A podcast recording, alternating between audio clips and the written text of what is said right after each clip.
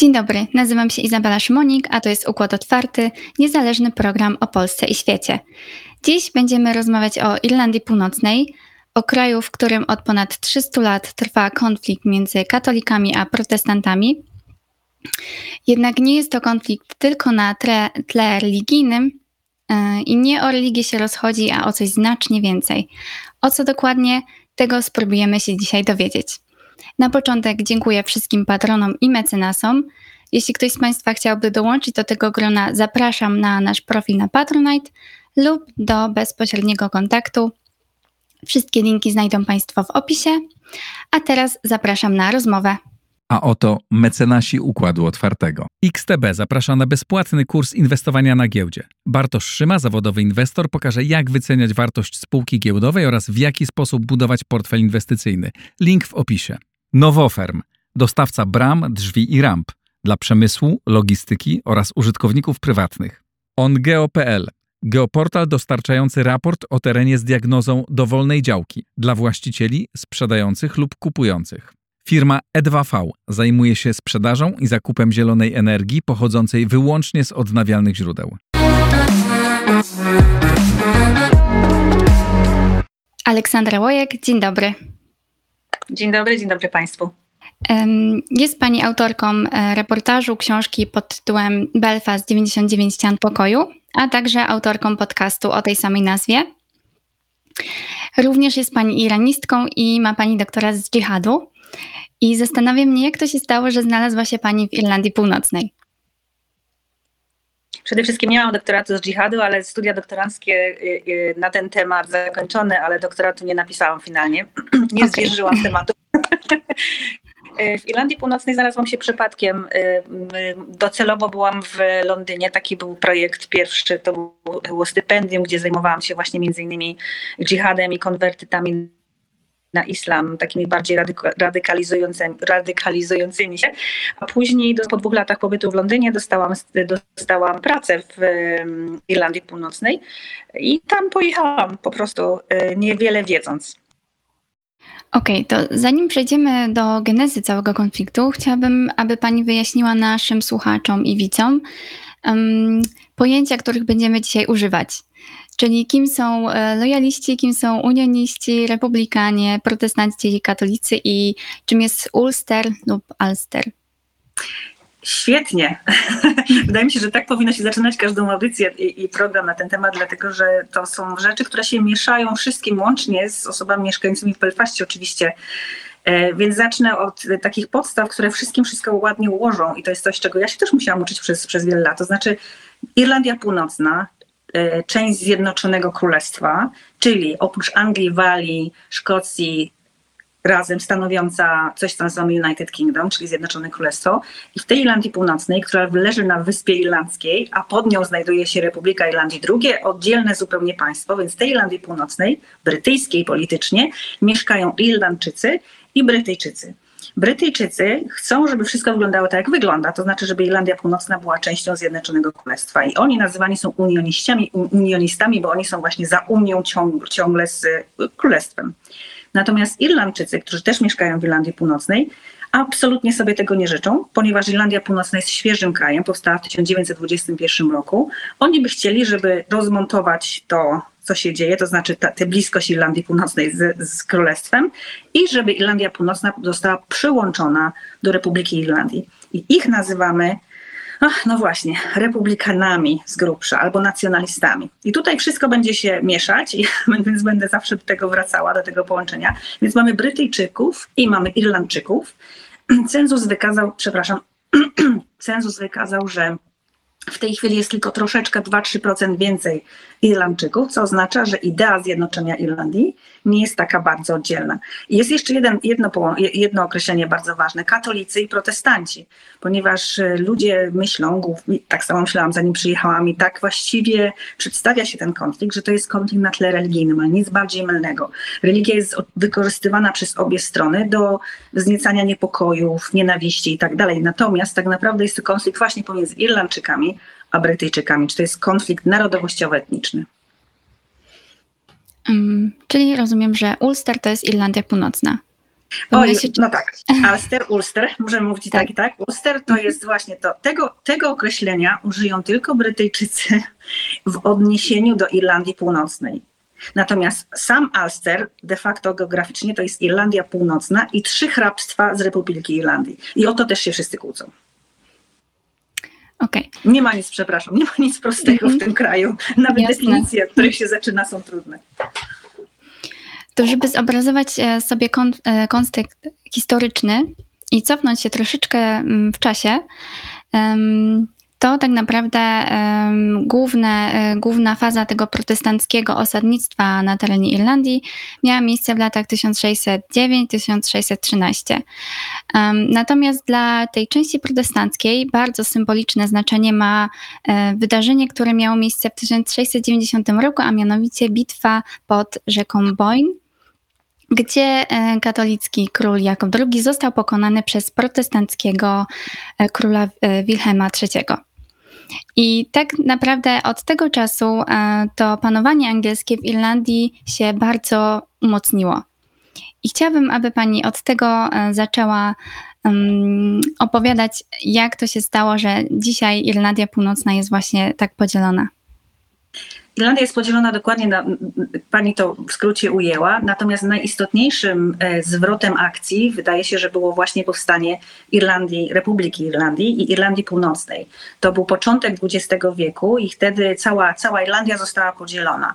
Irlandczycy nazywają te podziały e, rozbiorem Irlandii, natomiast Brytyjczycy nie nazywają tego w żaden sposób poza tym, że o powstała Irlandia Północna, która na, należy do do Zjednoczonego Królestwa. Irlandczycy mówią o tym y, jako o okupacji, o tym, że Irlandia Północna jest okupowana przez Brytyjczyków. Brytyjczycy w ogóle czegoś takiego nie widzą, ponieważ tak dawno, czyli te dwa, trzy stulecia temu, ich przodkowie i przodkowie ich przodków zostali, jak to się mówi, zaimplantowani, pojawili się tam, zostali przesiedleni, ale wraz z ziemią dostali ziemię na tamte tereny, że dla nich, tych żyjących obecnie Brytyjczyków, to jest po prostu ich ziemia, więc nie widzą powodu, dla którego miałaby być jakakolwiek na ten temat awantura.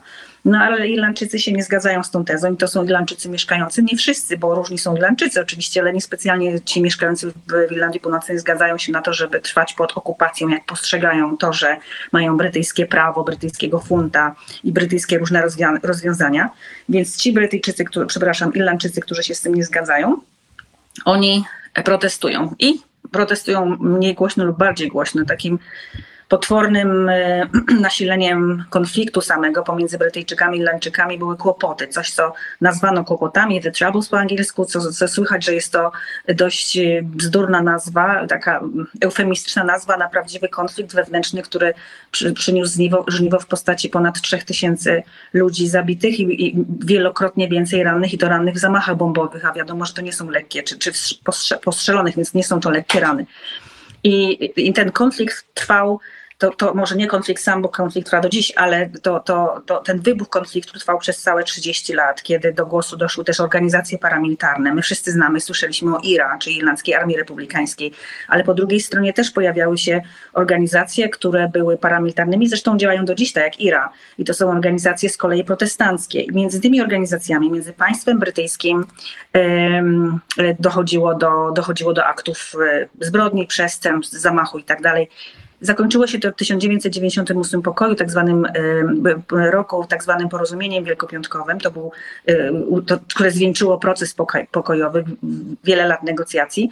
E, z tym, że no, konflikt trwa, bo nie da się załatwić takiej sprawy bardzo szybko. Niemniej wtedy wypuszczono z więzień wszystkie osoby, które były oskarżone o terroryzm i i do dziś e, obowiązuje tak zwane porozumienie wielkopiątkowe, według którego e, Irlandczycy mają prawo domagać się zjednoczenia Irlandii w sposób pokojowy, a- jednocześnie muszą szanować e, stanowisko brytyjskie i odwrotnie.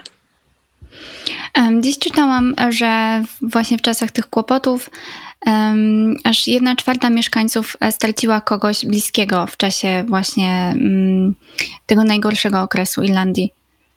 Tak, ym, to są ogromne liczby. Tak, Irlandia Północna nie jest dużym państwem. W tej chwili ma niecałe 2 miliony e, obywateli, mieszkańców. Jest też trochę e, imigrantów z różnych krajów, e, napływ e, e, Irańczyków, Afgańczyków, zwłaszcza ostatnio. Ale faktem jest, że właściwie nie ma osoby w Irlandii Północnej, której by ten konflikt jakoś nie dotknął, bo trzeba też podkreślić, że ten konflikt dział się głównie w dużych miastach typu Belfast, to nie jest takie wielkie miasto, ale spore, czy Londondery Dery i jeszcze przy granicy z Irlandią. Tam były takie naj, najgorętsze, naj, naj, najwięcej różnych y, strasznych rzeczy się działo. Dochodziło do rzeczywiście krwawych scen. Więc rzeczywiście właściwie z kim by się nie rozmawiało, kto urodził się w Irlandii Północnej, y, on y, będzie mówił najczęściej o kimś, kto albo zginął, albo coś stało się z nim, albo cierpi do dziś z, powodów, z powodu ram psychicznych i, albo fizycznych, albo, albo obu rodzajów. A w jaki sposób oprócz zamachów e, manifestowano mm, dążenie do e, swoich idei? Oprócz zamachów e, po obu stronach. Tak naprawdę to, była, to był bardzo brutalny konflikt. Także w latach, od, od lat 60., k- koniec lat 60., to był z jednej i z drugiej strony to, był, to była przemoc. I o to tak naprawdę chodziło, kto będzie silniejszy. To znaczy, Irlandczycy w formie IRA atakowali em, wszystkich. I to nie, nie było czegoś takiego jak odróżnienie pomiędzy, odróżnienie pomiędzy cywilnymi osobami, a osobami, które reprezentują państwo brytyjskie, czy to będą żołnierze, czy, czy, czy, czy policja. E, A druga strona też starała się robić to samo. To po prostu była fizyczna, brutalna wojna. Natomiast porozumienie piątkowe jest takim efektem wieloletnich, działań dyplomatycznych, rozmów, negocjacji przede wszystkim, w jaki sposób można żyć na tak małym skrawku ziemi, mając dwa konkurujące potężne nacjonalizmy, tak powiedziałam, nie religie, nacjonalizmy. E, W jaki sposób pogodzić to, że um, mieszkają obok siebie ludzie, którzy się przynajmniej z powodów politycznych nienawidzili, a potem zaczęli się nienawidzić nie tylko z powodów politycznych, tylko dlatego, że właśnie ktoś im zginął w rodzinie. Więc ten, ten, ten problem ogromny narastał. No i jak pogodzić to, że sąsiedzi nie chcą tego samego, czyli jeden, jeden sąsiad nie uważa, że żyje w, Wielkim, w Zjednoczonym Królestwie, a drugi sąsiad nie uważa, że żyje w Irlandii. I oni muszą się gdzieś spotykać i funkcjonować. Także e, w środku konfliktu rozpoczęły się konfliktu, tego, tego nasilenia, w czasie kłopotów rozpoczęły się negocjacje, które zaowocowały tym, co mamy w tej chwili. Co jest takim bardzo właściwie wydawałoby się, no jest to pokój, ale jest to pokój dość nietrwały, wydaje się, nie wiem, bo, e, no bo nie, nie zniknęły te dwa bardzo silne nacjonalizmy. Wciąż jest ta atmosfera e, tych dwóch nacjonalizmów właśnie, ale jedyna, jedynym takim pocieszeniem jest chyba to, że pojawia się trzecia, trzecia noga tego całego konfliktu. To znaczy nie tylko imigranci, którzy przyjeżdżają ze wszystkich stron świata, ich ten konflikt niespecjalnie dotyczy, albo tak uważają, że ich nie dotyczy, albo ludzie, którzy uważają się za północnoirlandczyków i głośno o tym mówią, że są północnoirlandczykami, a nie Brytyjczykami czy Irlandczykami. I- oni rozmywają trochę ten konflikt, no ale politycy umieją zręcznie e, zmotywować ludzi do tego, żeby o konflikcie nie zapomnieli.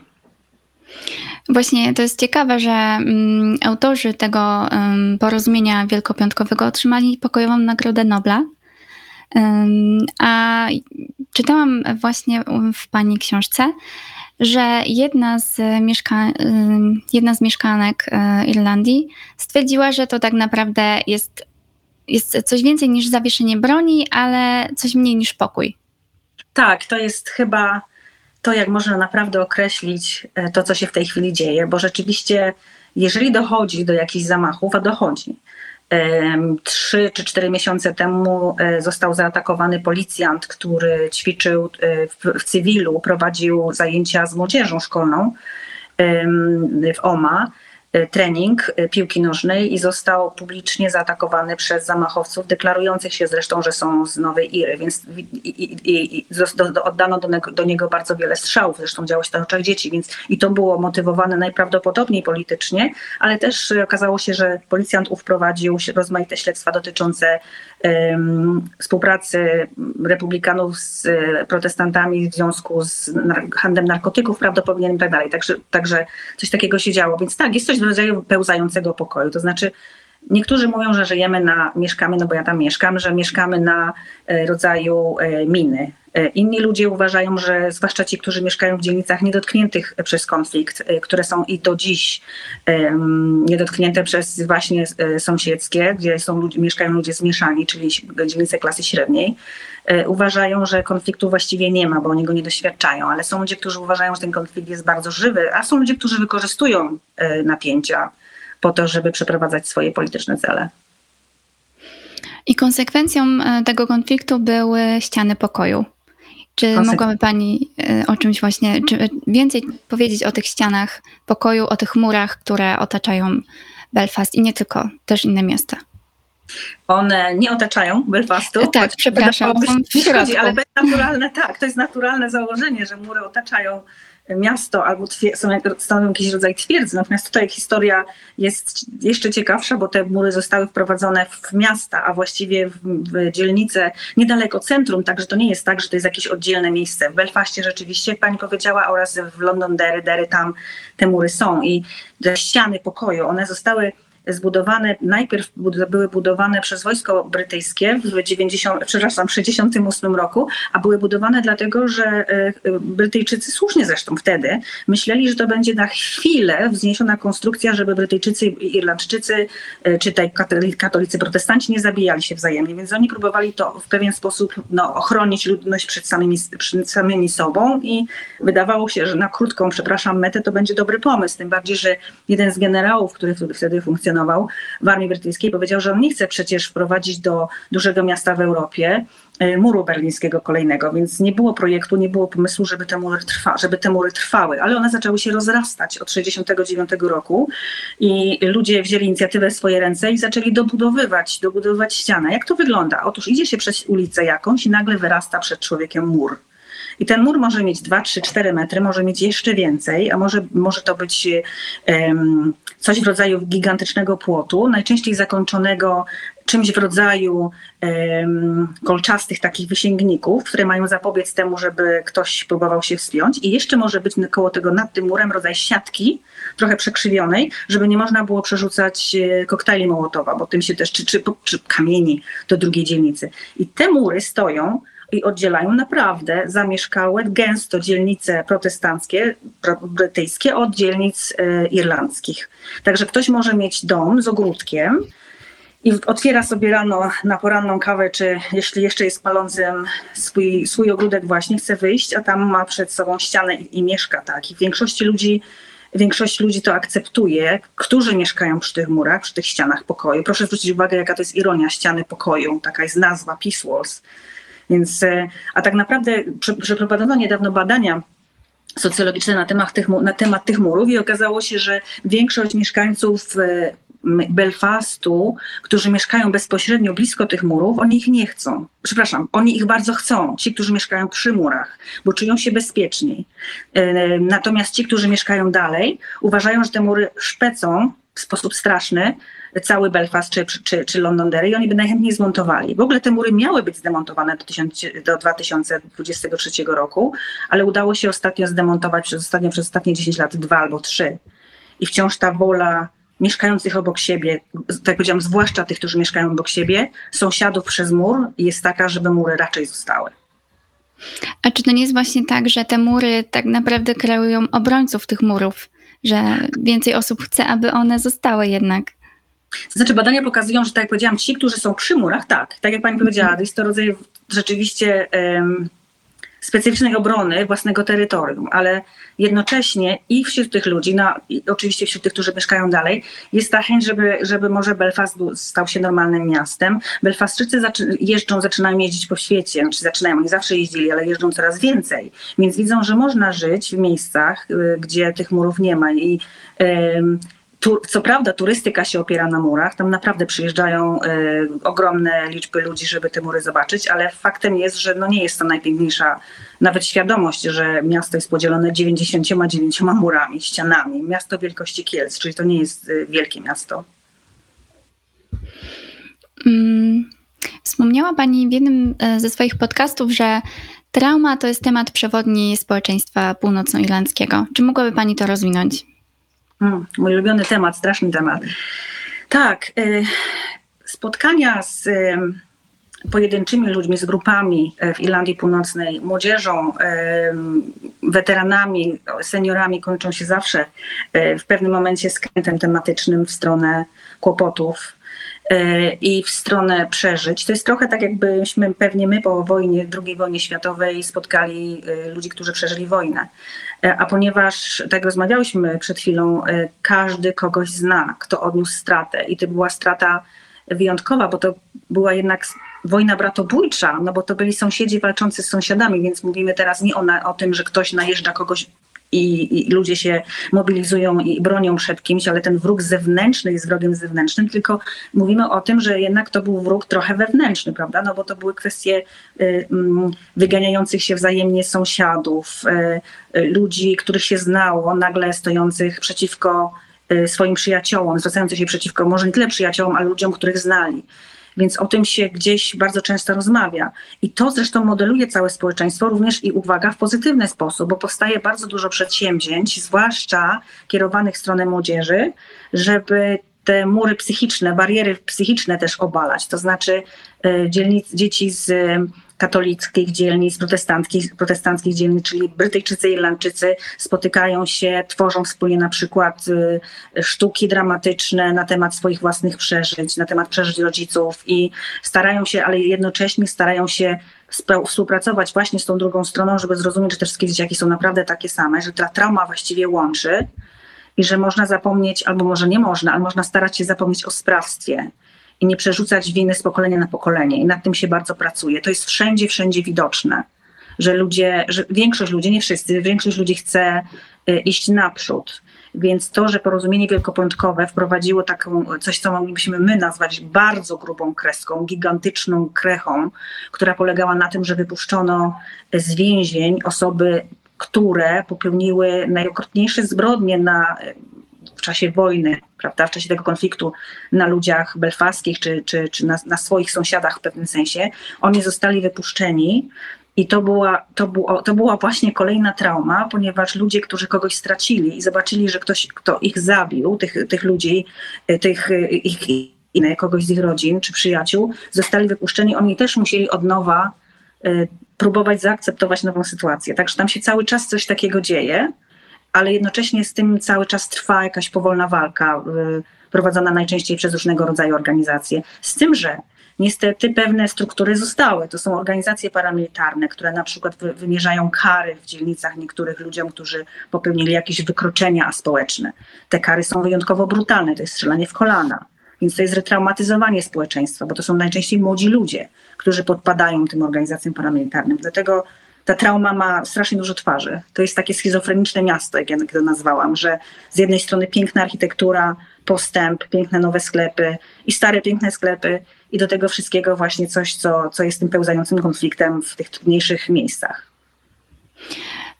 Tony Blair w swojej biografii, mm, opisując ten konflikt, zaznaczył, że wokół niego mm, wykształci, wykształciła się taka odrębna kultura.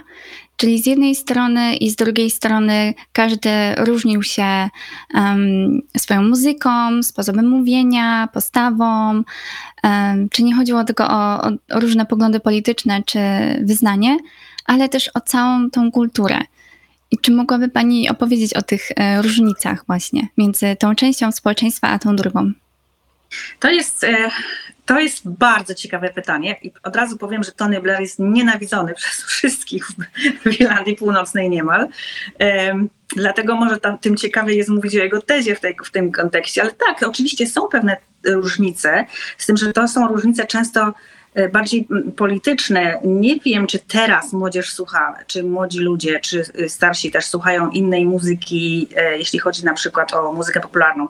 Na pewno oczywiście są inne piosenki, takie słuchane przez tych, którzy zwłaszcza przeżyli kłopoty, które na przykład gloryfikują IRA, albo, dru albo druga strona będzie śpiewała piosenki, które gloryfikują organizacje paramilitarne lojalistyczne. Tego typu rzeczy, to, to są takie podziały rzeczywiście polityczne.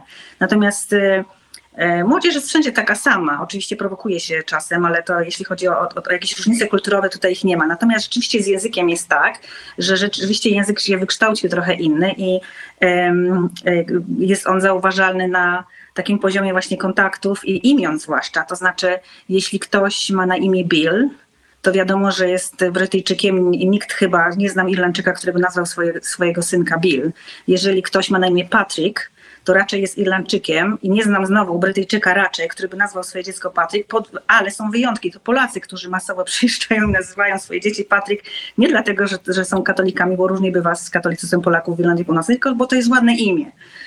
Y, ludzie rozmawiają ze sobą na przykład, bo chcą wiedzieć, kim jest druga strona, więc rozmawiają ze sobą w ten sposób, że pytają się nie oczywiście, kim jesteś, protestantem, czy katolikiem, czy Irlandczykiem, czy Brytyjczykiem. No to było pytanie, było po prostu straszne, ale pytają, do której szkoły chodziłeś, jeżeli nie rozpoznają po imieniu. Y, I wtedy ktoś odpowiada, na przykład chodziłem do szkoły y, świętego Mateusza, no to oczywiście jest to Irlandczyk katolik, bo jest święty przed imieniem szkoły, nazwą szkoły. E, I jeszcze ciekawostka, na pewno można wpaść, wpaść w sensie wpaść, jeśli się literuje swoje nazwisko. Brytyjczycy, to jest ciekawe, kiedy literują i wpadają na literę H, wymawiają H. E, tak ją literują, tak jak my byliśmy uczeni w szkole, więc my byliśmy uczeni w szkole brytyjskiej, oczywiście, brytyjskiej wymowy, natomiast Irlandczycy będą mówić H, H, i nie można ich oduczyć, więc zawsze się w ten sposób identyfikują. Są brytyjskie i irlandzkie e, nazwiska, które są rozpoznawalne też, więc to będzie na, na tym poziomie ludzie się rozpoznają i też krążą takie stereotypy, których ja nie rozszyfrowałam jeszcze, nie widzę różnic, natomiast i Brytyjczycy, i Irlandczycy, jeśli są zaangażowani jakoś w ten temat kłopotów, bo jeszcze jest duża grupa, która już się mniej angażuje, uważają, że jedna i druga grupa ma szerzej, potrafią się rozpoznać, bo mają szerzej rozstawione oczy, co dla mnie było wielką zagadką. Nigdy nie rozpoznałam i nie wiem, co to są milimetry, centymetry, nie mam pojęcia, ale y, naprawdę jest to powielany stereotyp. Mm, a jak władze się dostosowały do tej sytuacji i jakie są e, rozwiązania instytucjonalne? Bo też słucham w jednym z Pani podcaście, który bardzo polecam, Dziękuję. że jest coś takiego jak interfejs. Tak. I ten mhm. interfejs właśnie doprowadził do tego, że władze instytucjonalnie podeszły do rozwiązania tego problemu.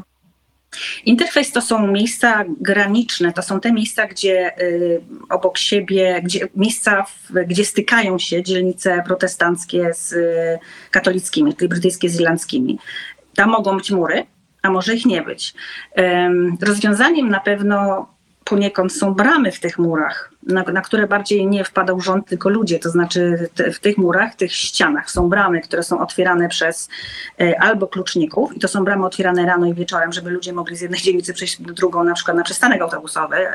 To są otwierane albo rano i, e, przepraszam, rano i zamykane wieczorem przez specjalnych klucz, kluczników, którymi mogą być albo prywatne osoby, albo osoby publiczne, albo policja, albo e, spółdzielnia, więc to jest rodzaj rozwiązania, chociaż myślę, że on był oddolny ale jest ogromna masa projektów e, różnego rodzaju przy interfejsie, e, które e, mają dużo do czynienia i prowadzą tak zwaną sprawiedliwość naprawczą. To jest coś, co pomaga zwłaszcza młodym ludziom nie trafić do więzienia, jeśli narozrabiają na tych interfejsach. To znaczy jest to przepiękna, moim zdaniem, przepiękny system, y, który sprawia, że ofiara i, i o sprawca przemocy, zwłaszcza drobnej, mówimy teraz nie o poważnych przestępstwach, tylko mówimy o wykroczeniach typu rzucanie kamieniami czy nawyzywanie kogoś, ma prawo y, i jest zachęcany i ofiara, i sprawca, żeby się spotkać i porozmawiać, dlaczego to się stało. Z tym, że to musi być oczywiście zgoda obu, przy czym ofiara też musi chcieć porozmawiać się z sprawcą. I to to wyjaśnia i powody, i frustracji, bardzo wiele rzeczy. Ta sprawiedliwość naprawcza jest takim e, odskokiem, który pozwala młodym ludziom właśnie nie trafić do więzienia, a jednocześnie rozważyć, co w głowach ich się dzieje, że musiały dzieciaki wziąć kamień i musiały zwyzywać sąsiada. Więc to jest rzeczywiście już w tej chwili na poziomie e, rządowym, bo te organizacje, które prowadzą tak zwaną sprawiedliwość naprawczą, ja jestem sama praktykantką tejże, więc e, wiem jak to się robi, bo robiłam. To są pieniądze, które przekazuje rząd tym drobnym, tym mniejszym instytucjom, tym organizacjom, często charytatywnym, żeby móc pracować z dzieciakami, trudniejszymi dzieciakami taki rodzaj pracy organicznej u podstaw. A jeśli ktoś z zagranicy zamieszka na interfejsie, nie wiedząc o tym, i trafi w sam środek całego zamieszania, to co w takim wypadku może taka osoba zrobić? I czy pa państwo właśnie pomaga w tej sytuacji? Tak, jeśli, jeżeli ta osoba kupi sobie mieszkanie w takim miejscu, bo to się zdarzyło, ja o tym opis, piszę o tym w książce, yy, były takie przypadki, no to jest to trudna sytuacja, bo jeśli nie udowodni, że yy, jest w bezpośrednim zagrożeniu, przez organizacje paramilitarne, bardzo trudno to udowodnić, to będzie musiała w tym mieszkaniu mieszkać, w tym domu najczęściej mieszkać.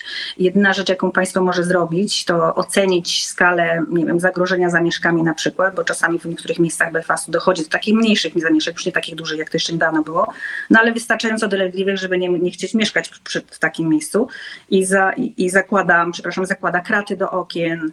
Y, poznałam taką rodzinę, która właśnie to zrobiła, kupiła taki, taki domek i miała przepiękny ogród i musiała w tym ogrodzie na koszt państwa, państwo zapłaciło za to, zainstalować coś w rodzaju odwróconych butelek przy, przy ogrodzeniu, odwróconych butelek stłuczonych jako zwieńczenie um, płotu po to, żeby ktoś nie wszedł, coś, coś w rodzaju też drutu kulczastego, no, to, to za to zapłaciło państwo. Oczywiście to jest okropne mieć coś takiego w domu, e, dlatego lepiej z nim mieszkać przy interfejsach jednak, ale z, drugiej, jednak, ale z drugiej strony naprawdę jest trochę spokojniej na szczęście. W każdym razie nie jest to dobry wybór. Jeżeli ktoś się wybiera do Belfastu, lepiej się zapytać, y, popytać znajomych, gdzie warto mieszkać, gdzie nie. Tak jak kiedyś powiedziałam, napisałam w książce, że to miasto jest wyjątkowo bezpieczne, jeśli chodzi o obcokrajowców, a wyjątkowo niebezpieczne, jeśli chodzi o swoich własnych sąsiadów.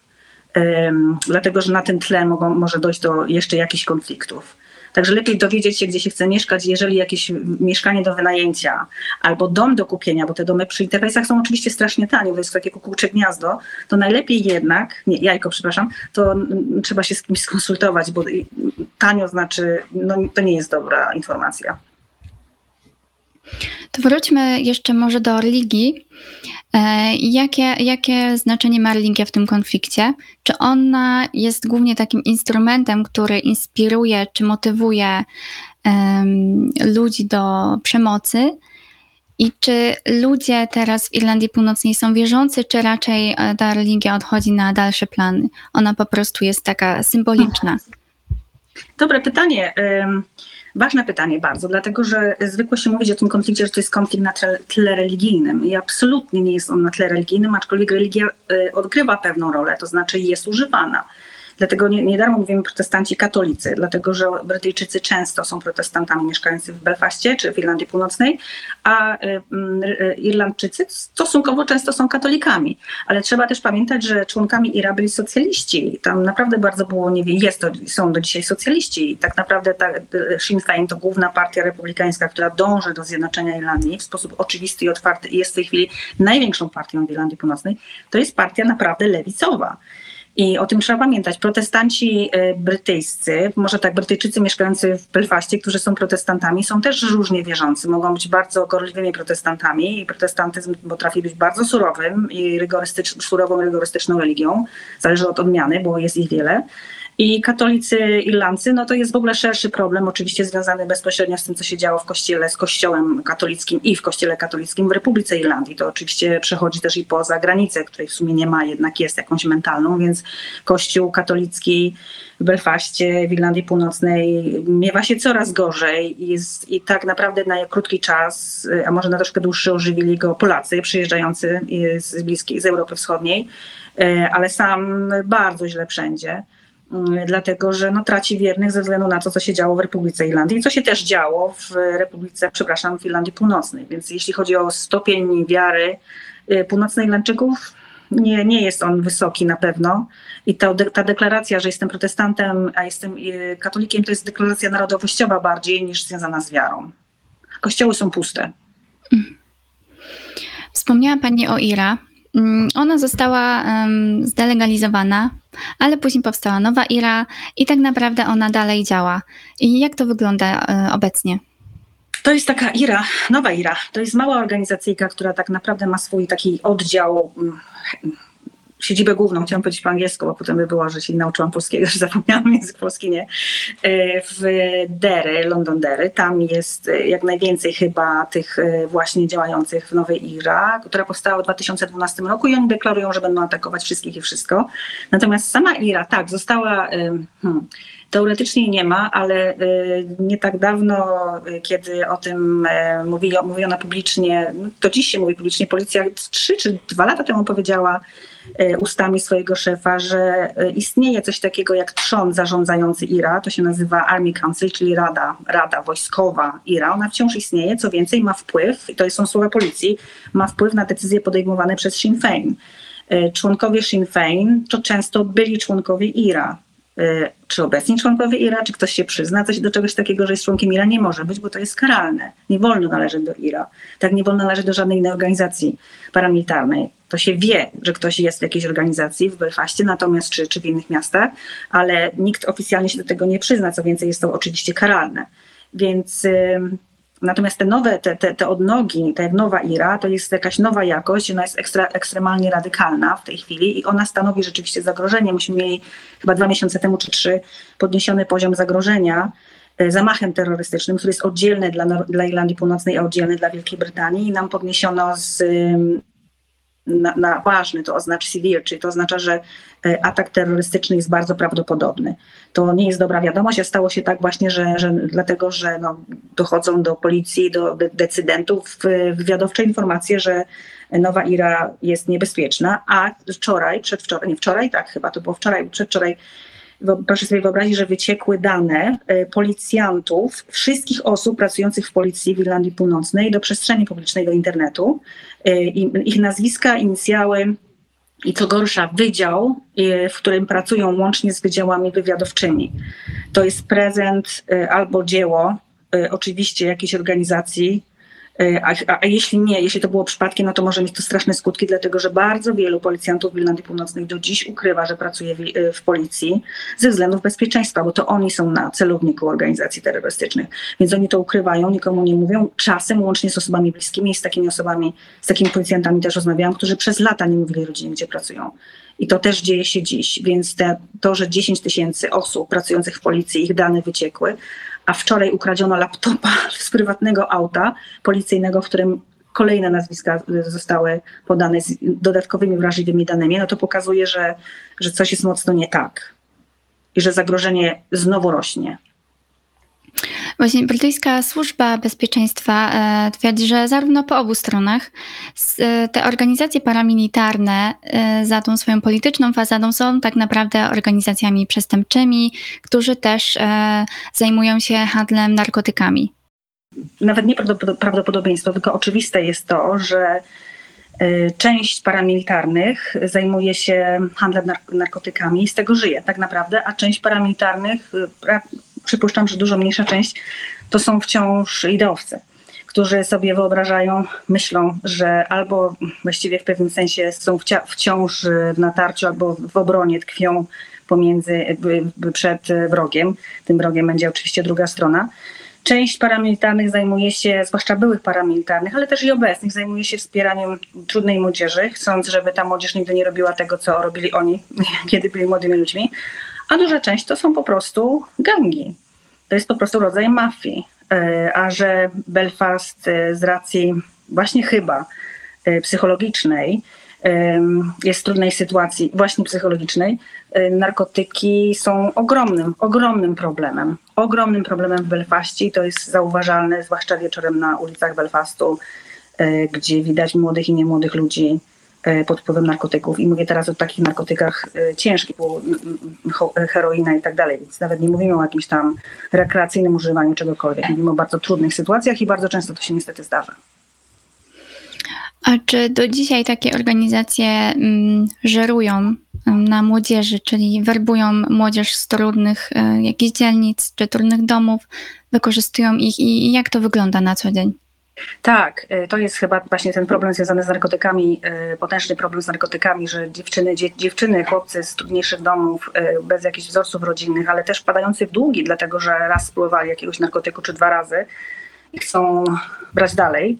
I jedyną możliwością jest spłacenia tych długów jest tak naprawdę handel wspieranie dealerów, e, są werbowani do organizacji paramilitarnych. Część jest werbowana po to, żeby wspierać handel narkotykami, a część jest werbowana z powodów ideowych, ale to jest bardzo mała część. I na ogół naj, najbardziej takim kuszącym em, tematem przy werbunku jest e, no, władza, rodzaj władzy, którą się otrzymuje, kiedy się jest w organizacji paramilitarnej, bo tej organizacji paramilitarnej, czy tych organizacji paramilitarnych ludzie się po prostu boją.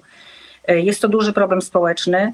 Na ulicach Belfastu od czasu do czasu rozlegają się, są, przepraszam, wieszane billboardy z informacjami, że nie zwracaj się do organizacji paramilitarnych po pomoc, kiedy jesteś w długach. E, My ci wes- wesprzemy cię i tak dalej. Są pewne organizacje właśnie też charytatywne głównie, które wspierają osoby, które by chciały zerwać i mediują, prowadzą mediacje też z, z organizacjami paramilitarnymi, żeby odpuścić sobie, żeby nie ściągać długi. No to są straszne historie, bo oczywiście nie można em, negocjować z dealerem narkotyków, jeśli chodzi o długi. To wiemy to i my w Polsce też.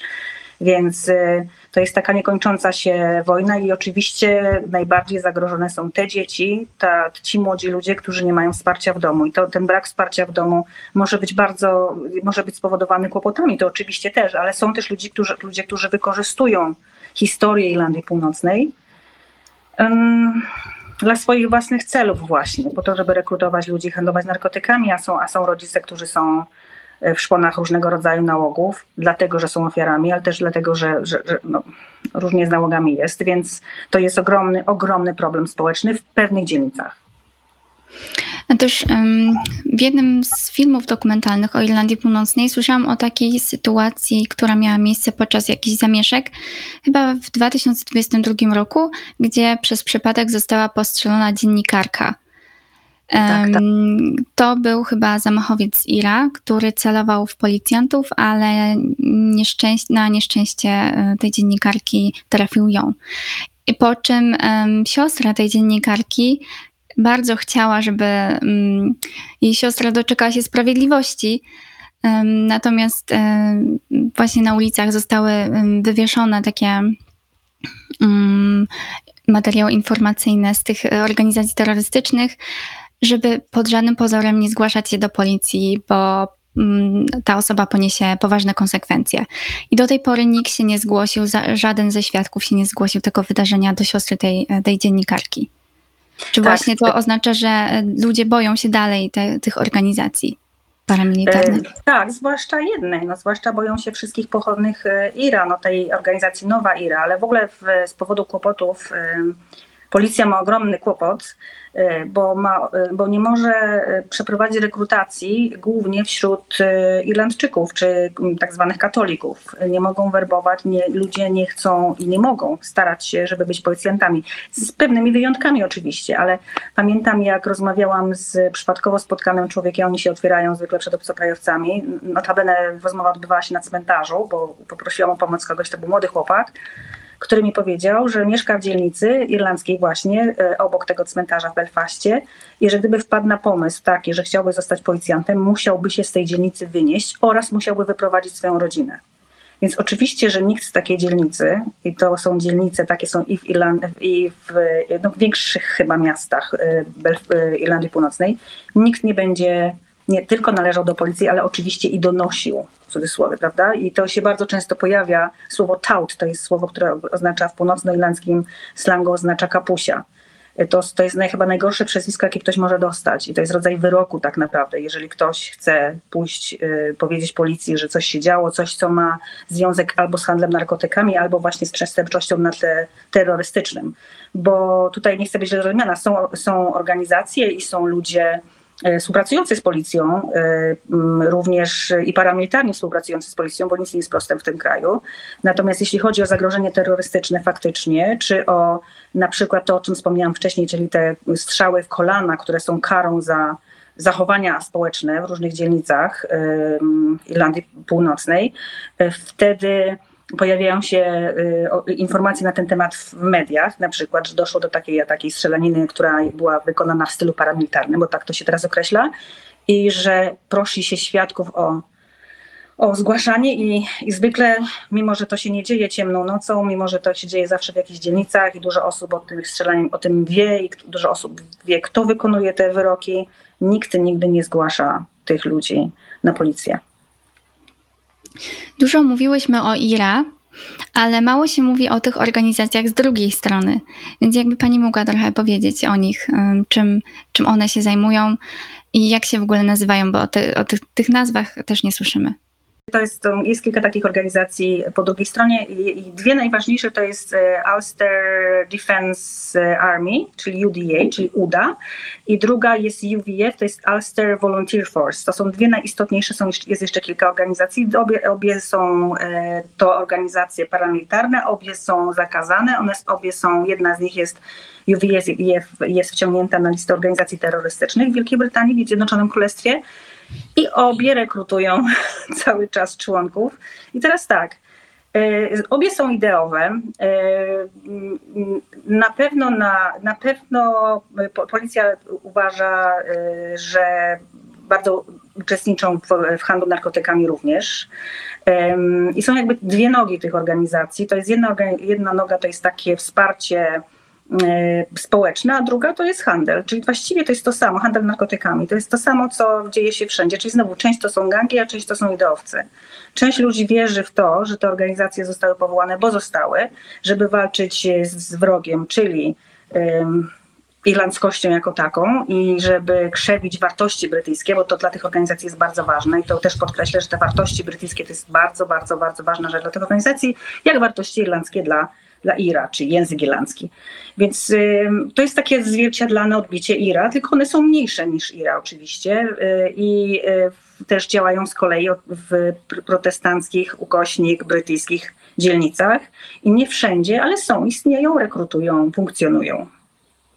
A czy policja jakoś inaczej się do nich odnosi, czy traktuje ich tak samo jak na przykład IRA? To jest pytanie na wiele analiz wywiadowczych więc tak. Brytyjczycy, którzy mają związki z tym, polityczne z tymi organizacjami, uważają, że policja jest e, dużo lepiej nastawiona do republikanów i do terrorystów republikańskich, cytuję teraz, i że organizacje paramilitarne albo ludzie, którzy są związani, bo nikt się oczywiście nie przyzna oficjalnie do tego, że jest organizacji, e, brytyjscy są krzywdzeni systematycznie przez policję. Druga strona uważa, że jest dokładnie odwrotnie. Czyli e, można tak podsumować cały konflikt w Irlandii Północnej. Można, tak, to jest raz, a dwa, że można też popatrzeć, patrząc na to z boku, można zobaczyć, że konflikt jest prawie nie do rozwiązania, dlatego że naprawdę to jest rozkładane wszystko pół na pół. Nie ma już w tej chwili druzgoczącej mniejszości i większości, więc, e, a, a że jest więcej tak zwanych katolików mówię, bo Irlandczycy też trzymają się często pewnych katolickich zasad, mimo że niekoniecznie są katolikami i mają bardzo duże rodziny.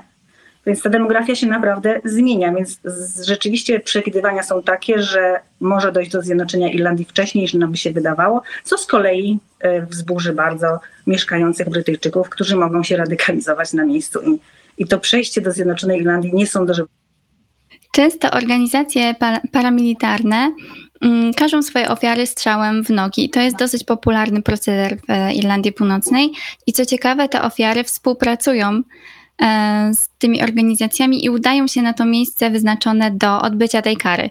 Dlaczego tak się dzieje?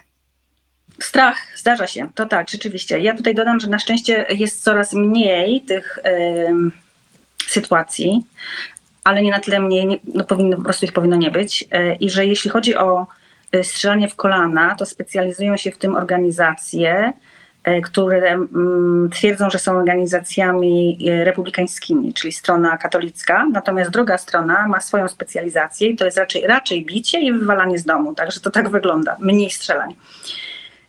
I tak, są sytuacje częste, że ofiara takiego, takiej kary przychodzi na wyznaczone miejsce i daje się postrzelić e, w kolano albo niżej, bo to też jest, wszystko zależy od tego, czy się jest e, lubianym przez organizację, która wymierza taką karę, czy nie, bo jeżeli się jest lubianym, to nie będzie to strzał w kolano, tylko troszkę niżej, wtedy łatwiej żyć. To też jest oczywiście dość skomplikowane. To jest strach, to jest strach rodziny przed y, konsekwencjami, przed tym, co się będzie działo, jeżeli, ta, jeżeli ten chłopak najczęściej, y, który przeskrobał coś poważnego, y, nie, nie stawi się na spotkanie. Były sytuacje, kiedy matki mówiły swoim dzieciom, które dostały informację, że mają się stawić gdzieś tam, mówiły, słuchajcie, idźcie, no nie ma innego wyjścia, bo tak to będzie cała rodzina musiała się albo wynieść z danego miejsca, albo będą inne konsekwencje.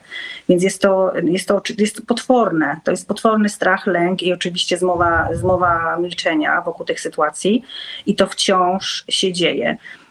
Z tym, że mm, wszystko jak zwykle, znowu dodam, jest skomplikowane. Są młodzi ludzie, którzy tak bardzo nie mają wsparcia kogokolwiek w swoim życiu młodym, że są w stanie, kiedy podpadną, pójść na taki strzał w kolano, czy na, na sesję z biciem i nie poprawiają się wcale po czymś takim, wręcz przeciwnie, uważają, że to jest coś w rodzaju e, wyróżnienia, że potrafili znieść e, coś takiego właśnie, tak, być ukaranym i że są dużo bardziej męscy z tego powodu, a i inni jeszcze, i to będzie najciekawsze chyba, wykorzystują ranę zadaną albo rany zadane przez e, bijących po to, żeby starać się o odszkodowanie albo rentę, co podsumowuje to, w jaki sposób operują na niektórych poziomach e, pewne systemy w Irlandii Północnej. Słyszałam też o takiej historii jednej rodziny, której syn w dzielnicy protestanckiej, on był katolikiem i w dzielnicy protestanckiej chyba ukradł e, koledze rower.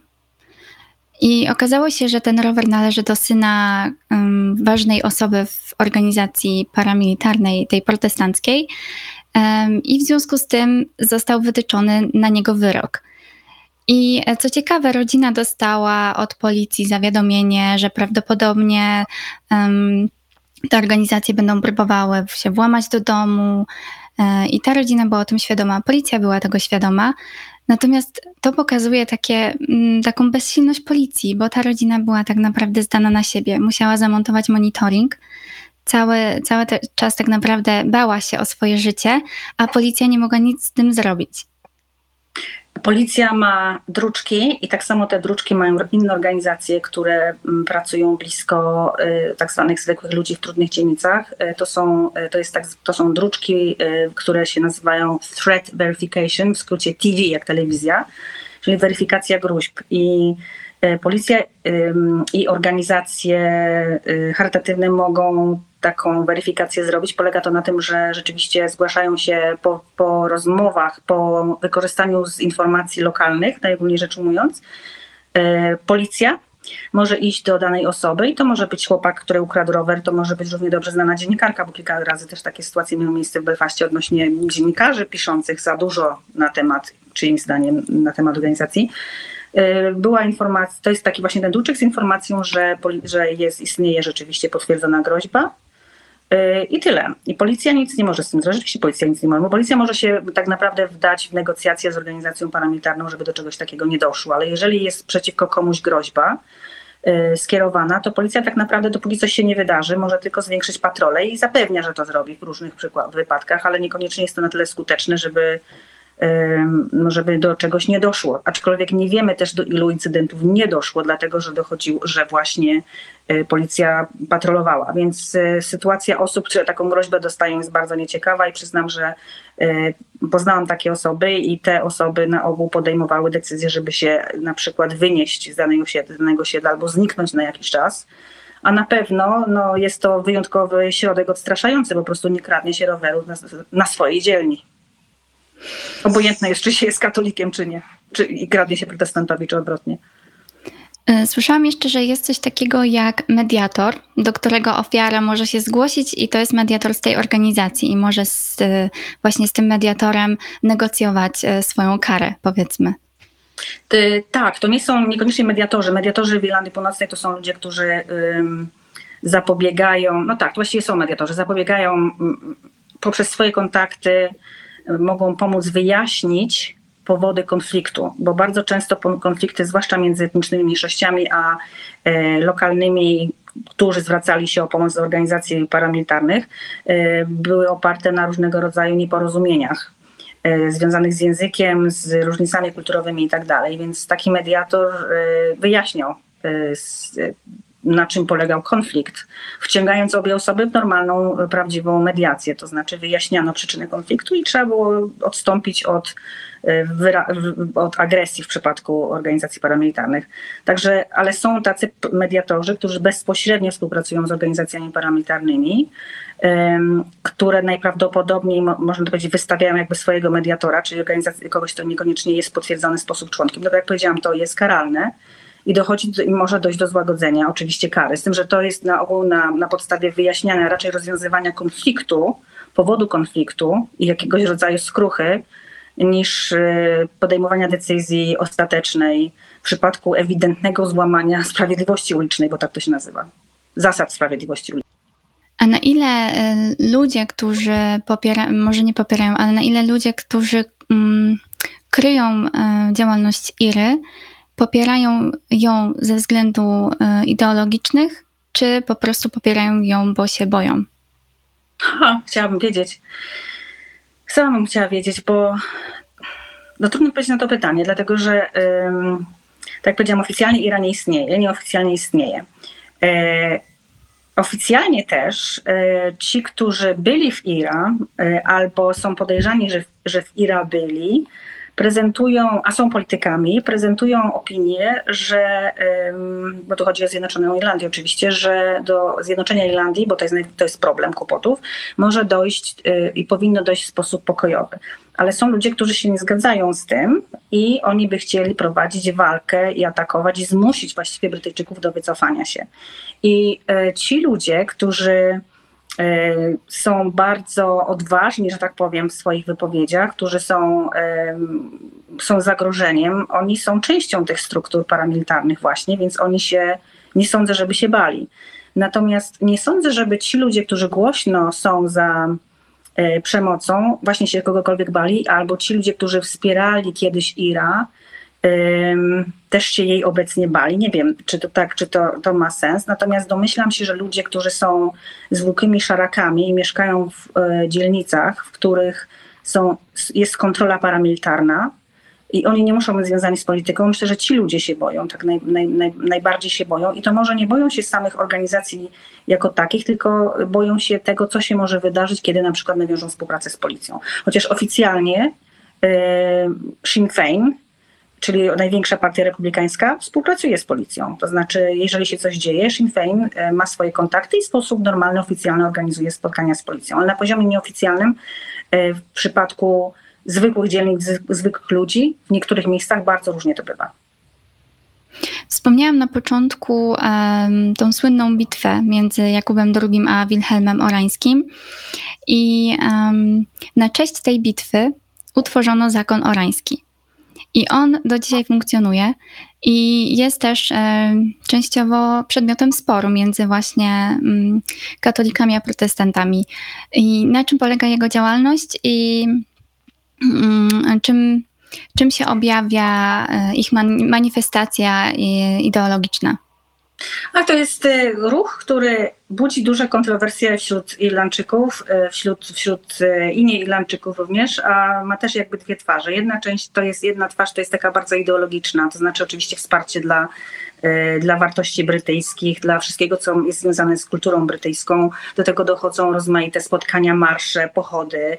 E, przede wszystkim te marsze bardzo związane z obchodzeniem 11-12 e, lipca każdego roku, właśnie jako rocznicę tego, o czym Pani opowiadała, rozpalanie ognisk. Więc to jest taka bardzo silna, bardzo protestancka tradycja, która jednoczy protestantów, ale też przed kłopotami, to jest ciekawe, i katolicy w niej uczestniczyli. Nie było, nie było e, przychodzili na marsze, przychodzili na ogniska i nie było e, takich problemów, jak w tej chwili mogą w niektórych dzielnicach być, albo jak czego się obawiają niektórzy ludzie, bo myślę, że największym problemem w tej chwili oranżystów nie jest ich ideologia, która jest, y, może komuś pasować, może komuś nie pasować, jak zwykle bywa. Ona nie jest agresywna, aczkolwiek oranżyści nie przyjmują swoje szeregi katolików, czyli w pewien sposób jest to organizacja dyskryminacyjna oczywiście, no ale to jest po prostu organizacja protestancka.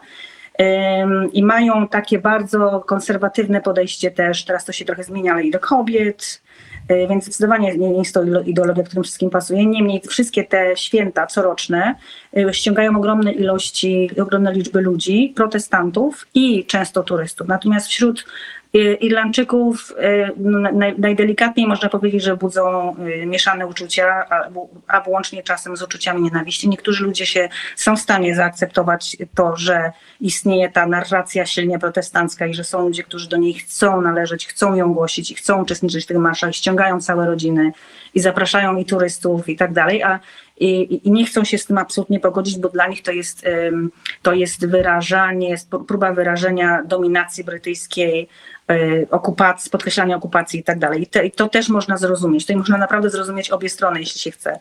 E, Więc oranżyści budzą dużą niechęć e, niektórych, e, wielu Irlandczyków, aczkolwiek myślę, że co mnie wzruszyło ostatnio, to było tuż przed tym marszem, e, marszami corocznymi, widziałam takie piękne zdjęcie jednego z oranżystów, młodego chłopaka, który ściskał rękę człowiekowi, e, republikanowi z organizacji e, sportowej irlandzkiej, która z kolei jest GAA, która z kolei jest bardzo nielubiana przez oranżystów. Spotkali się gdzieś przypadkowo, zaczęli rozmawiać. Pomiędzy nimi był chłopczyk, mały chłopczyk, który chciał się dowiedzieć, dlaczego ta druga osoba ma bęben. To był chłopczyk katolicki, czyli Irlandczyk, i chciał się dowiedzieć, co ten oranżysta, czemu ten oranżysta ma taki wielki bęben, bo Irlandczycy też mają swoje bębny, tylko one oczywiście nie mają nic związanego, nie mają związku z oranżystami.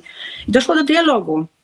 Normalnego, zwykłego dialogu na temat kultury i ktoś zrobił temu zdjęcie. I to zdjęcie wywołało ogromne, ogromne, wspaniałe poruszenie w Irlandii Północnej, też wśród oranżystów i niektórych Irlandczyków, że zobaczcie, to jest możliwe mogą ze sobą rozmawiać e, dość radykalni Irlandczycy z tej organizacji sportowej ważnej i dość radykalni oranżyści i ten mały chce coś wiedzieć i że jest możliwe pogodzenie, że po prostu to jest inna kultura, że trzeba zagryźć zęby i to zaakceptować. To było coś, co bardzo, bardzo dużo nadzieję dało. Tak, ale z drugiej strony mamy na przykład e, coroczne ustawienia wieży z drewnianych palet, przypinanie na nich różnych flag, których nienawidzą katolicy czy tam Irlandczycy mm, i palenie ich. Tak, I to cieszy się też dużą popularnością, bo widziałam na jednym filmie dokumentalnym, że bardzo dużo ludzi gromadzi się wokół właśnie takiego bardzo. stosu palet. I, i bardzo Tak. się cieszą, że ona płonie. Tak, no te, te ogniska to jest fragment całego święta.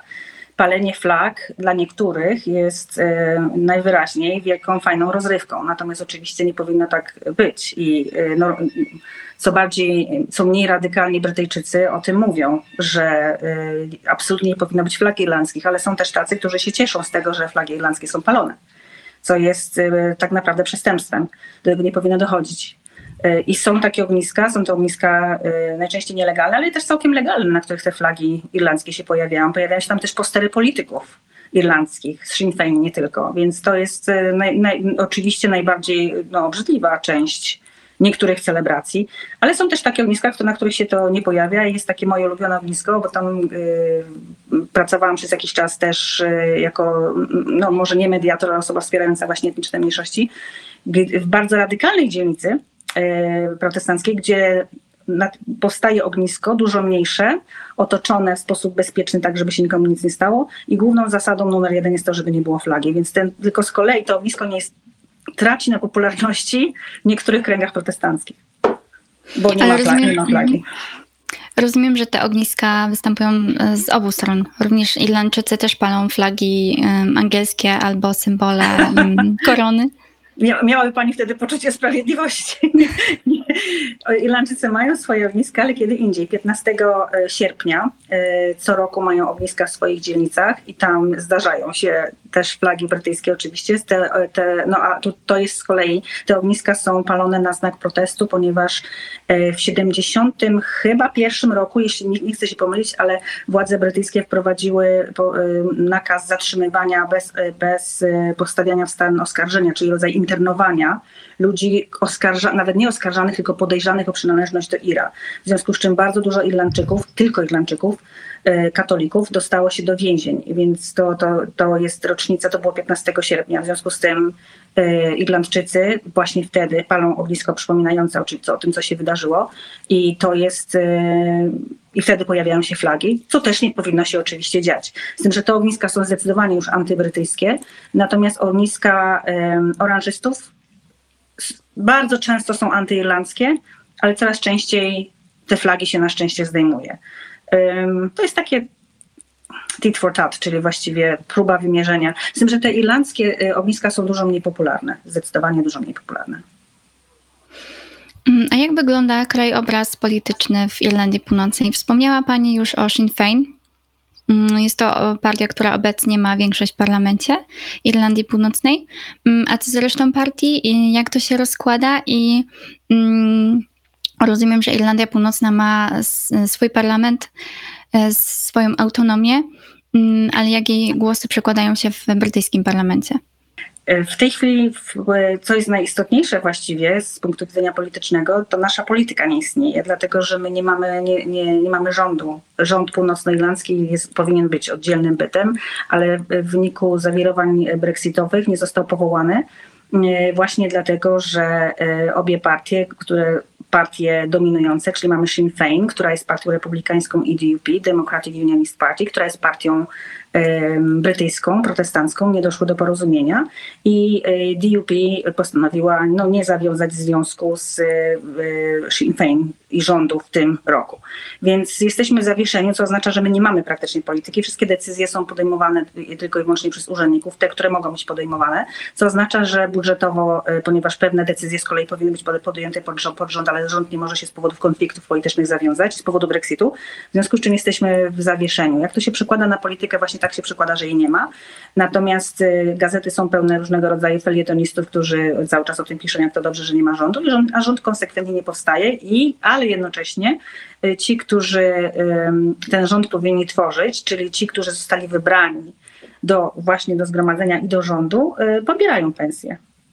Więc jest to interesujące, że no właściwie oni nie są pod jakimś wyjątkową presją, ponieważ są to pensje, idące oczywiście w setki tysięcy albo w kilkanaście tysięcy funtów, więc niestety kilkanaście tysięcy funtów, więc oni nie mają problemów.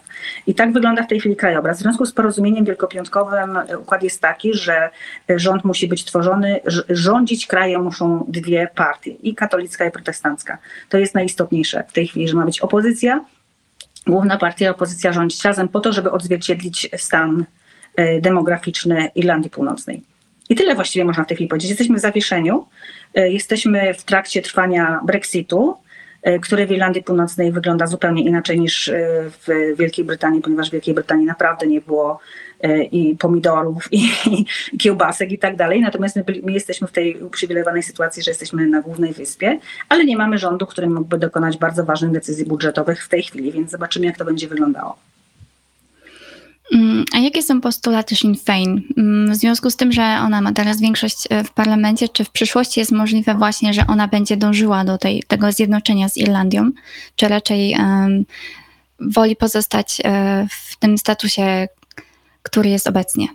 Sinn Féin oczywiście jest partią republikańską, jest partią Irlandczyków, więc dąży do zjednoczenia Irlandii. To jest ba bardzo istotne.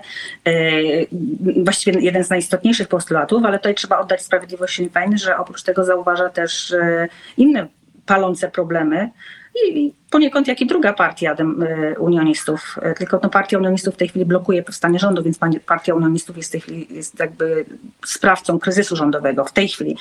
Natomiast Sinn Féin Y, ma postulaty bardzo prospołeczne. Takie y, wspieranie przede wszystkim rodzin, które, które borykają się z problemami finansowymi, y, wspieranie zdrowia psychicznego mieszkańców Irlandii Północnej, wsparcie dla bezrobotnych, dużo, dużo takiego wsparcia społecznego. To jest bardzo, bardzo istotne i zjednoczenie Irlandii. Także wszelkie rozwiązanie kwestii, kwestii bezdomności. To są te postulaty Sinn Féin, które zresztą podobnie myślę były prowadzone przez DUP. Różnica między nimi jest taka, że Sinn Féin, to jest ciekawe, bo pamiętamy o tym, że e, mówi się o republikanach, że to są katolicy. Sinn Féin również jest za e, adopcją e, przez pary jednopłciowe, e, z czym na pewno DUP się nie zgodzi, ponieważ większość DUP w tej chwili to są bardzo radykalni protestanci, którzy nie akceptują w ogóle e, ruchu LGBTQ. Myślę, że odnaleźliby się świetnie w Polsce. E, natomiast Sinn Féin absolutnie nie ma problemu e, z, e, z mniejszościami jakimikolwiek i też promuje ich obecność. Wspomniała Pani wcześniej, że Sinn Féin ma powiązania z organizacjami terrorystycznymi. I czy to jest popularny precedens, że właśnie partie polityczne są związane w dużym stopniu z tymi organizacjami paramilitarnymi chodzi mi też o, o tą partię protestancką. To teraz tak, muszę to sformułować w taki sposób, to jest bardzo, bardzo istotne. Oficjalnie żadna z tych partii nie ma żadnych, e, żadnych e, linków, chciałam powiedzieć, żadnych powiązań. Oficjalnie nikt się do nich nie przyzna w żadnym wypadku. Nikt nigdy nie udzieli wywiadu, e, że ma jakiekolwiek, jakiekolwiek znajomości czy, czy, czy właśnie powiązania. Natomiast nieoficjalnie to jest zupełnie inna sprawa. Osoby, o których się mówi, że są związane z organizacjami typu UDA i WF, znają wiele osób i wchodzą w towarzyskie kręgi ludzi z partii rządzącej, która powinna być jedną z partii rządzących, czyli mówię teraz o partii e, unionistów. Tak samo jest Sinn Féin. Bardzo wiele członków, albo może wielu członków Sinn Féin, to osoby, które kiedyś, o których kiedyś mówiło się, bądź wierzyło się mocno, bądź wiedziało się, że są w IRA. Natomiast e, Jerry Adams, o którego istnieniu wszyscy wiemy, pytany wielokrotnie o to, czy był kiedyś w IRA, a przecież bardzo dużo osób opowiadało i, i, i, i zeznawało, że był, powiedział, że nigdy nie był wira. Y, więc w ten sposób funkcjonuje, funkcjonują media i cała prawda w Irlandii Północnej, że wprost tego nikt nie może powiedzieć, dlatego że są bardzo y, skuteczne prawa związane z, z niesławieniem. Y, brutalne bardzo prawa w Irlandii Północnej, inne niż w wielu krajach, pewnie z tego powodu, też z powodu może procesu pokojowego. Więc pewne rzeczy się wie i o nich się mówi, ale trzeba też bardzo ostrożnie formułować i w bardzo taki e, interesujący, dyplomatyczny sposób formułować swoje opinie. A czy w takim razie można powiedzieć, że mm, partie polityczne kontrolują te organizacje paramilitarne, czy to organizacje paramilitarne kontrolują partie? Policja powiedziała, e, tak jak powiedziałam, dwa czy trzy lata temu, że istnieje coś takiego jak Army Council, tak? czy Rada Wojskowa IRA że ona się nie zmieniła, istnieje, to są z grubsza te same osoby, ich jest chyba sześć. I cytuję polic słowa policji, wpływa na decyzję Sinn Féin. A czy z, z tych organizacji paramilitarnych protestanckich też y, jest podobna rada? Czy to też podobnie wygląda? Y, no, tego policja nie stwierdziła, można tylko przypuszczać, dlatego że nie pamiętam, y, czytając, rozmawiając i, i siedząc w temacie, żebym kiedykolwiek znalazła informację na, na temat takiej rady, jako takiego bezpośredniego przełożenia. Natomiast y, in, trochę jest inna struktura.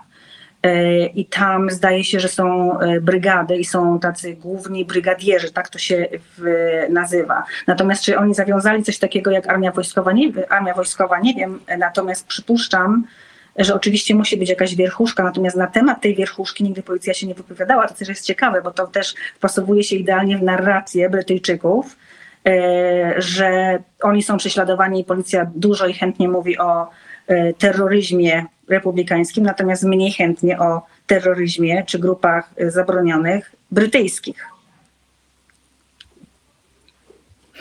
To przejdźmy może teraz do relacji między Republiką Irlandii a Irlandią Północną.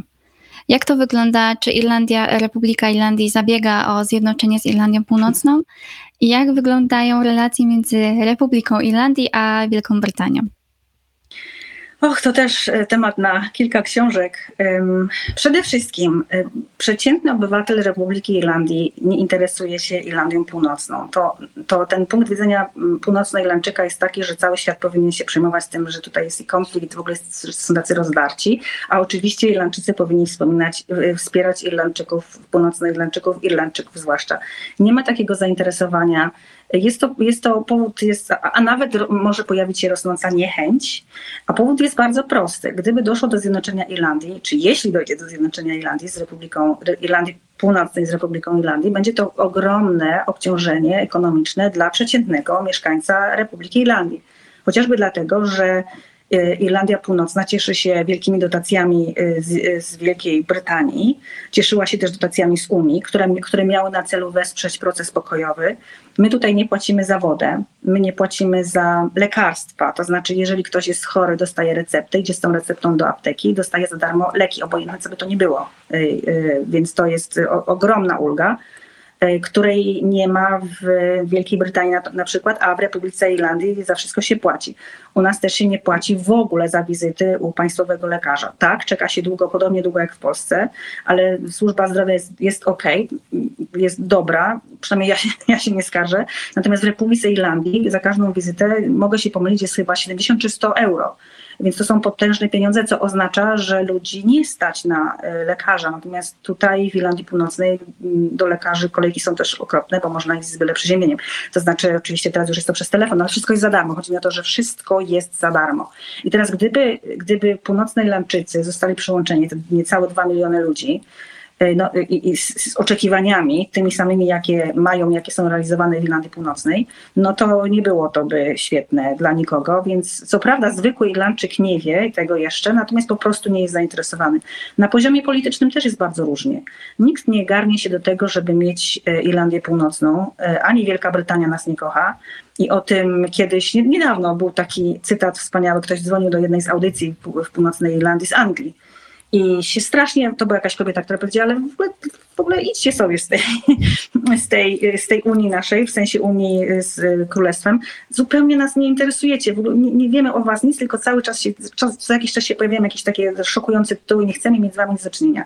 I podobne y, postawy można też zaobserwować w Republice, ponieważ my jesteśmy widziani, na, na, nasza część, nasza, no bo tu mieszkam, ta część świata jest odbierana przez, Republik, przez Republikę jako taka dzika, mroczna, pełna niepokojów, y, patrząca wstecz część świata y, z potencjalnymi y, punktami zapalnymi, bo jeśli by doszło do przyłączenia, jestem przekonana, że co bardziej radykalni Brytyjczycy, to znaczy wiem, że wezwaliby do, po prostu do, do, do broni, do, do, do walki. Rozmawiałam też z radykalnymi Brytyjczykami na ten temat którzy byli wstrząśnięci tym, że w ogóle jest taka perspektywa, że, że, że coś takiego może się wydarzyć. I mi mówili, słuchaj Aleksandra, no my po prostu bierzemy za broń. Ja, i, I to byli ludzie, którzy mają, pamiętają kłopoty i oni byli zmartwieni, że, że skazują w pewnym sensie przez swoją ideologię, to też ciekawe psychologicznie, swoje dzieci na powtórzenie kłopotów, ale nie wyobrażają sobie, ze względu właśnie swojego, na swój radykalizm, że mogłoby nie dojść do obrony ziem własnych, jak, jak to postrzegają. Więc to, to, tego wszystkiego jest świadomy rząd Irlandii i musi rozważyć, ale z drugiej strony, jeśli by doszło do referendum, i taka będzie z tym, że referendum jest istotne, że żeby doszło do referendum, na to się musi zgodzić strona brytyjska.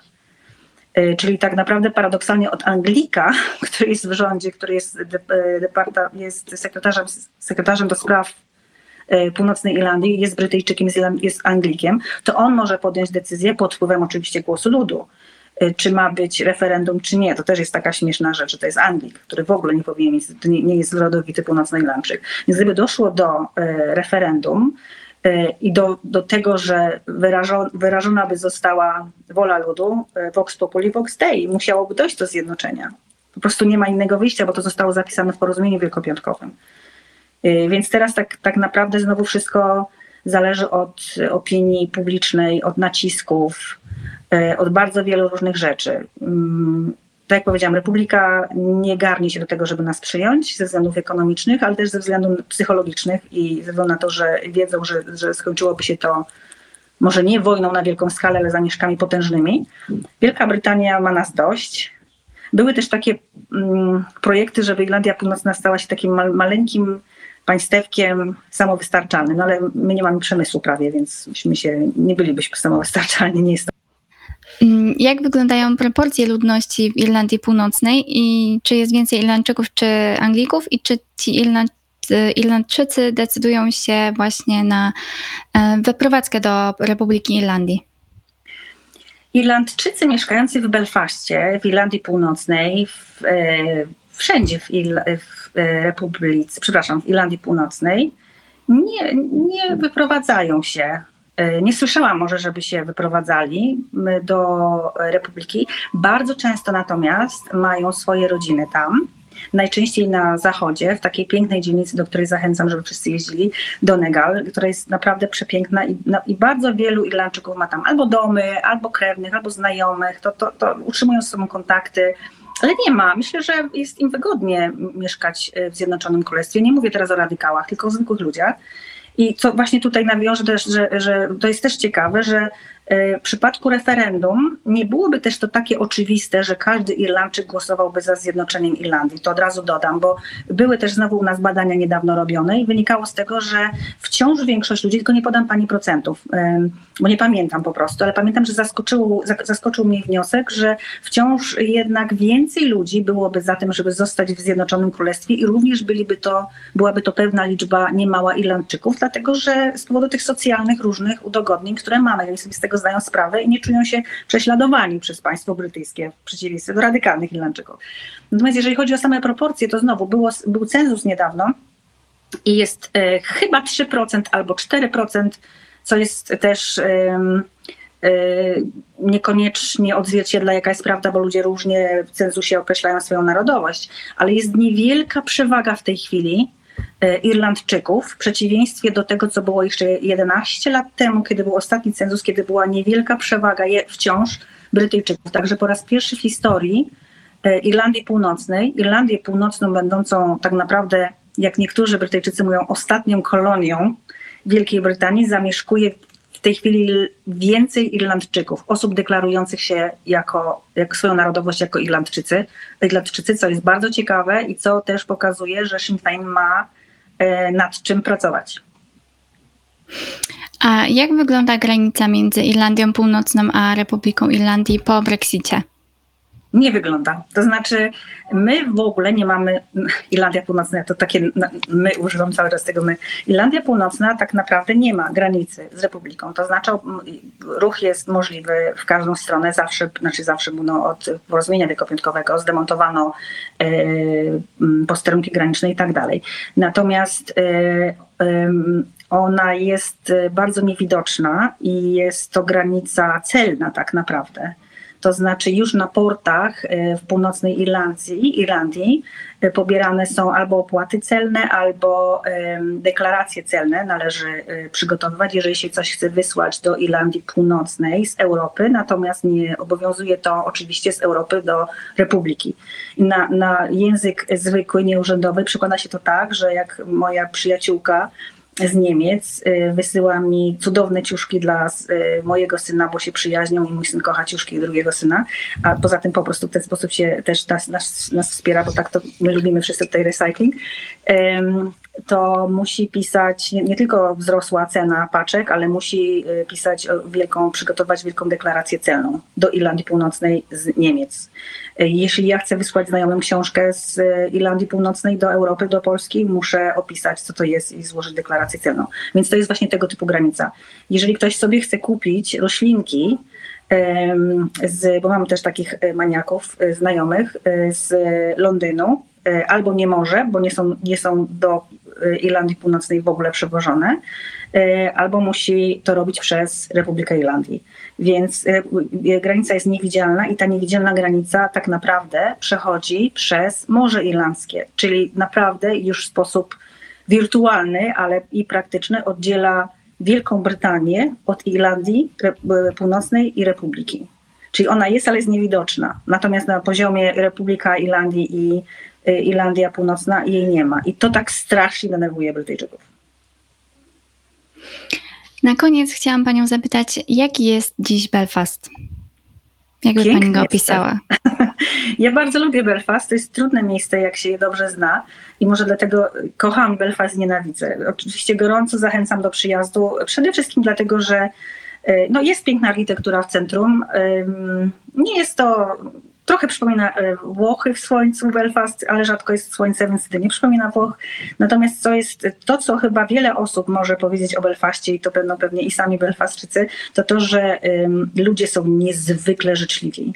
Ym, Co myślę, każdy przyjeżdżający do Belfastu, i to byłam ja, bo ja się już trochę czuję tak częściowo właśnie Belfast, no nie, mieszkanką Bel- Belfastu, to, to to, że trzeba być przygotowanym na to, że się jest zaczepianym serdecznie, życzliwie w, na przystankach, że ludzie chcą rozmawiać, że się wymieniają uśmiechami, że się mówi dzień dobry obcym osobom na ulicy, wszędzie, jeżeli tylko dojdzie do kontaktu wzrokowego, a przecież do niego dojdzie. Jest taka y, y, ogromna życzliwość. Ta życzliwość nie zawsze prowadzi do przyjaźni, ale na pewno ułatwia dzień. Dlatego Belfast jest miejscem, które, które, które, które warto odwiedzić, w którym warto pobyć i na pewno wynieść jakieś przyjaźnie, wypić dobre piwo, bo jest dobre piwo. Zwiedzić Muzeum Titanica, jak ktoś lubi oglądać historię y, trupów i, i, i tragicznych śmierci. Y, Warto przyjechać do Irlandii Północnej. To jest niesamowite, że mimo tego, że ci ludzie doświadczyli takiej krzywdy, em, są tak pozytywnie i życzliwie nastawieni do innych. Tak, i, i, wiele razy się nad tym zastanawiałam, dlaczego tak jest. Y, Nie umiem odpowiedzieć, bo nie jestem psychologiem. Może po części właśnie dlatego, że z tego, co mi sami mówią, pamiętają dużo, albo ich dzieci wiedzą dużo o wojnie. Ta pamięć jest świeższa niż na przykład polska y, pamięć pre- o wojnie. I, i, i to poczucie em, jedności, to, ta, ta serdeczność jest ogromna. Naprawdę to jest coś, co odkrywam, że się teraz zaczyna, zaczęło dziać w Polsce też na, poziom, na takim poziomie ulicznym. Kiedyś tego nie było. Ja pamiętam, że wchodziłam do sklepu i zawsze witała mnie jakaś nadąsana, eks- nadąsana ekspedientka. Teraz m, m, moja ekspedientka na moim osiedlu jest Ukrainką, która po prostu jaśnieje szczęściem i, i Brytyjczycy i Irlandczycy w Belfaście tacy są. Także jeżeli ktoś sobie chce poprawić humor, w czterech ścianach w Belfaście naprawdę warto wyjść z domu w Belfaście i pouśmiechać się do ludzi i potem wrócić do swojej depresji, jeśli się ją ma. Mówię to jako osoba doświadczona, e, więc naprawdę jest to przyjazne miasto. Myślę, że takim pozytywnym akcentem zakończymy rozmowę. Bardzo Pani dziękuję. To była Dziękuję naprawdę bardzo. bardzo. ciekawa rozmowa. Dziękuję bardzo, dziękuję. E, Link do książki pani Aleksandry e, w opisie oraz myślę, że też do podcastu też zamieścimy w opisie, bo naprawdę warto sobie posłuchać. To tyle na dzisiaj. Do zobaczenia i do usłyszenia.